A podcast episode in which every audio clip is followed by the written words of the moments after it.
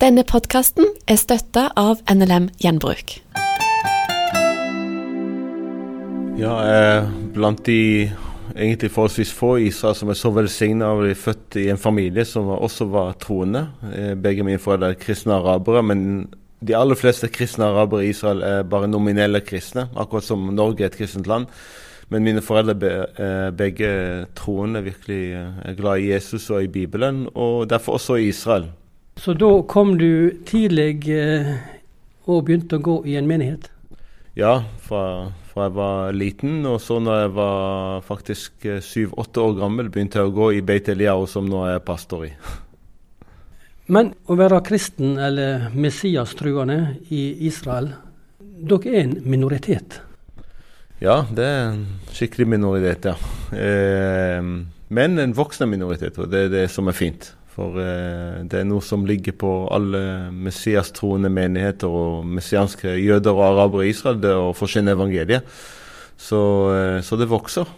Men har det vært vanskelig å være en minoritet med tanke på trua? Ja, det, det Altså Nei, det, det, er ikke lett. altså. Jeg tror ikke det er lett å være en, en kristen som vil følge Jesus i Norge heller.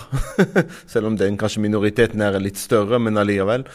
Eh, men igjen, det har noe med virkelig hva du, hva du, hva du tror på, og derfor hva du vil stå for, og din identitet. Så det blir på en måte nei, Det er ikke alltid lett, og det er konsekvenser av og til, men samtidig er det et land med i motsetning til landene rundt oss, eh, rundt Israel, som, så har vi religionsfrihet. Eh, så altså, ingen vil henge deg for, fordi du tror på Jesus, eller kutte armer eller bein eller hodet av det. Så det er ikke sånn for, uh, Folk spør meg om vi har forfølgelse i Israel. Uh, jeg har vanskelig for å bruke ordet forfølgelse for de problemene vi har i forhold til det våre søsken i Syria og Irak og Iran og andre steder har. Så en minoritet, og vi har de typer problemer den som vil følge Jesus, kan forvente seg. Og hva kan det være av problemer? Altså, altså når folk ikke liker det du står for, så, så får du greie på det. Så eh, noen kan oppleve sånn eh, litt mobbing her og der. Eh, men aksept er mye større nå enn det var før. Eh, og så frimodigheten har økt blant eh, Altså, jeg kan si at mine barn som tenåringer og ungdommer eh, selv om jeg var en bevisst kristen, også som en tenåring, så er mine barn de, de var langt modigere enn jeg har noen gang vært. å stå for det de skal stå for. Så det er veldig oppmuntrende å se det. Samuel Awaida, du vokste opp altså i en eh, kristen heim med, med, kristne foreldre. Men når du ble voksen sjøl, eller begynte å bli voksen sjøl, og, og, og, skulle fortsette å tro på Jesus, hva var det som førte til at, at du valgte det? igjen det med all respekt til foreldre og andre som har lært meg, så til slutt er det Det må være en personlig avgjørelse, og hvem er det jeg vil følge? Eh, jeg mener at alle mennesker tror, alle mennesker følger. Det spørs om hvem er det de vil følge, og hvem er det de vil stole på, som tro egentlig betyr. Og eh, da jeg en tenåring, så altså, jeg, på en måte husker jeg ikke en dag der jeg ikke trodde på Jesus. på en måte, Men også, samtidig som en tenåring husker jeg det ble veldig tydelig at dette her er, det er bare sant.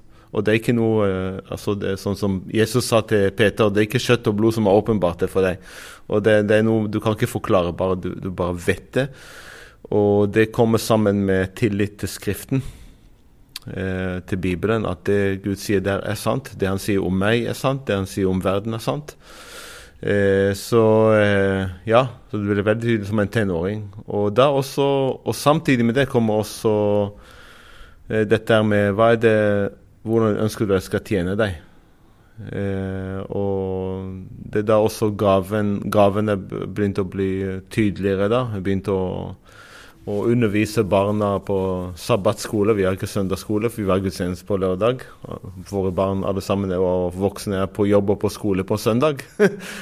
Eh, så vi har sabbatskole. Så når jeg var 13 år, begynte jeg å undervise barna eh, som var 7, 8, 9, 10 år gamle. Og så etter hvert begynte jeg å undervise tenåringene, og så ungdomsgruppa. Så den der gaven var der og ble på en måte tydelig etter hvert, eh, mer og mer. Og, og, nå Så ja. Underviser både unge og gamle i menigheten. Samuel Aweida, du er pastor i Beit Eliahu-menigheten som ligger i Haifa i Israel. Det er en av de største messianske menighetene i Israel i dag. Du nevnte litt her om eh, når du begynte som tenåring å undervise barn i menigheten der, som du har gått i siden du var barn sjøl. Men hva var grunnen til at du, du ble pastor? Eh, egentlig var det var ikke en tanke eller en drøm, kanskje en, en, en mareritt å bli pastor, for alt jeg vet. Men eh, planen min var faktisk å studere medisin, og jeg kom inn på, på medisinstudiet. Men så eh, traff jeg Bjørg, og så ble, og ble dette her med å Igjen, som jeg sa, jeg begynte å undervise fra ganske ung alder. Men, eh, men, samtidig med det at du underviser og prøver å lære barn og unge Skriften, så oppdager man hvor lite man kan sjøl.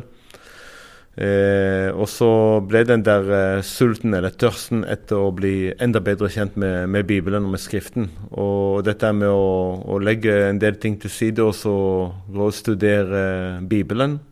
På norsk kaller det å studere teologi. Eh, jeg har opplevd litt av hvert av teologistudiet, så jeg liker ikke å kalle det teologi engang. Men, men det er teologi, det er å kjenne Gud. Og det er det jeg ønsket. Og til slutt ble det Norge pga. kona mi. Jeg traff eh, kona mi som er fra Vennesla. Hun var volontør i Haifa i to år. Og derfor ble det Norge og ikke USA eller England, siden jeg kunne engelsk. Så jeg havna i Norge. På studier? På studier på Frikirkas eh, teologiske seminar. og ja, og så sånn kristendom, mellomfag og litt sånn forskjellige ting. Og så, og så, ble, jeg, og så ble jeg kalt til å være pastor i Frikirka. Frikirken eh, i Vennesla, eller Hegeland, rettere sagt. Så da, der var vi fem år. Eh, så åtte år til sammen i Norge før jeg ble kalt til å være pastor og hyrde, som det egentlig betyr, eh, for min hjemmemenighet i Haifa. Din barndomsmenighet tilbake, hvordan var det å komme tilbake som pastor der da? Ja, det var altså det, både veldig Det er jo å komme hjem, eh, både til byen og til menigheten. Og samtidig er det rart. Altså, du har folk som eh, altså, De kjente deg fra du var åtte, ni, ti år gammel, og alt, alt det gode, og ikke fullt så gode som du har gjort opp igjennom. eh, men, eh, men, det var fantastisk å bli tatt imot på en sånn veldig eh, naturlig og fin og, og, respektabel måte, på en måte. og, og ja, så det, det, var, det, var, å komme hjem, og det ble mye mer naturlig enn jeg hadde drømt om. Du Nå nevnte jeg at Beit Eliahu, altså Eliaskirken i Haifa, er en av de største messianske menighetene i Israel i dag. Hvor stor er dere i antall medlemmer? Det er 200. Eh, og altså, Vi har ikke noe som heter passive medlemmer, eller bare de som står som medlemmer, sånn som det ofte i Norge. For de som er med i menigheten, er i menigheten, og da er de der. Så det er 200 mennesker sabbat, og salen er stappfull. Så vi, eh, vi, har begynt å tenke på hva gjør vi videre. Ja, Opplever dere en menighet som vokser? Ja, spesielt de siste Altså det har vært sånn vekst i puljen, men spesielt de siste to-tre år har det vært en eh, ganske merkbar vekst. Både av eh, familier og unge mennesker. Når vi kom til menigheten, så var våre barn omtrent de eneste. så eh, Og nå er det kanskje 40-45 barn og 25 tenåringer og, og 40-50 stykk som er såkalt unge voksne. og småbarnsfamilier og helt til 95 år gamle som eh, også trives i menigheten. Og, så det er virkelig hele spekteret. Hvordan eh, jobber dere som menighet? Eh, vi nevnte tidligere her eh, dere er en minoritet i Israel. Ulike religioner og retninger. Hvordan jobber dere som menighet for å fortelle andre budskapet om Jesus Kristus? Um, Jesus sa 'gå og gjør disipler', og å være Jesu disipler det er å gjøre disipler igjen. Og så Det er et sånn prinsipp som vi må ikke glemme for at ikke vi skal bli bare en sånn fin klubb som enhver menighet har en fare for å bli. Og vi må minne oss sjøl om eh, hva det dreier seg om. Eh, altså dette med evangelisering og, og vitnetjeneste det er noe som er, burde fall være i menighetens DNA. Det er altså det, det, det saken er. Så eh, det er riktig at vi har, eh, vi har hatt sånn evangeliseringsaksjoner. I Israel har ikke sånn, sånn såkalt fellesmøter og sånne ting, som i Norge teltmøter og vet ikke hva. Eh, og vi, kan, vi, annonserer ikke sånn, eh, du vet. Men eh, men vi har hatt evangeliseringsaksjoner. Vi brukte Jesusfilmen. Det er en del folk som hadde på hjertet å grave og stå og dele ut traktater på, på gata eller uh, snakke med folk på stranda og sånn forskjellig. Så folk får lov å bruke det de Ikke alle finner det naturlig å stå og dele ut traktater. Jeg gjør ikke det, iallfall for min egen del. Eh, men eh, det som er det viktigste, og der vi har sett den største veksten, det er ikke gjennom spesielle aksjoner, selv om de var også viktige og gode, men eh, gjennom bare personlige vitnesbyrd av folk, arbeidskolleger, venner på skolen, i militæret. Vi har flere soldater i menigheten, studenter. Eh, og, og, det at du bygger en menighet som både lærer Guds ord på en veldig tydelig, veldig skarp og klar måte, eh, men samtidig og veldig eksklusivt i den forstand at eh, det, det, er Guds ord som er autoriteten, men samtidig også med som er inklusiv i sin natur og i sin holdning til folk. At folk føler det er naturlig å invitere folk på gudstjeneste. Okay? Og, og det går faktisk an. Det er det vi opplever. Det går faktisk an å være bibeltro veldig altså av og til vil, I Norge jeg vet ikke om alle menigheter vil tåle det vi underviser i Beit Eliao, for å si det rett ut. Eh, men samtidig er veldig inklusiv. Vi har sett folk komme til tro gjennom Bibelen som blir forsynt klart og tydelig. Fordi, først for det ordet som skaper liv, det er ikke vi. Og for det andre at vi ønsker Guds hjerte for disse her folkene som vi inviterer. Og, så de fleste vi har sett som har kommet til tro, er gjennom personlig vitnesbyrd, gjennom at de inviterte folk på gudstjenesten, på møte, på forskjellige ting. Ja, og det fungerer ved Guds nåde og kraft. Det er, ikke, det er ikke vi. Det er bare å la han gjøre det han kan gjøre. Det er ofte vi som står i veien. Dette er en messiansk menighet. Der er både jøder og arabere som går i menigheten. Når vi hører på nyhetene om konflikten mellom jøder og arabere, så høres det voldsomt konfliktfylt og en har tilspissa ut. Men hvordan opplever de at dere er en menighet av både jøder og arabere i samme hus? Ja, altså menigheten ble grunnlagt med visjon om å nå jøder med evangeliet. Romene Romerne 1,16. Evangeliet er Guds kraft til frelse for hver den som tror. får jøde først, og så får ikke jøde. Så de aller fleste i menigheten er fra jødisk, jødisk bakgrunn. Hebraisk er språket i menigheten. Eh, men eh, Israel er et sammensatt land, der du altså araber og andre og er en av de.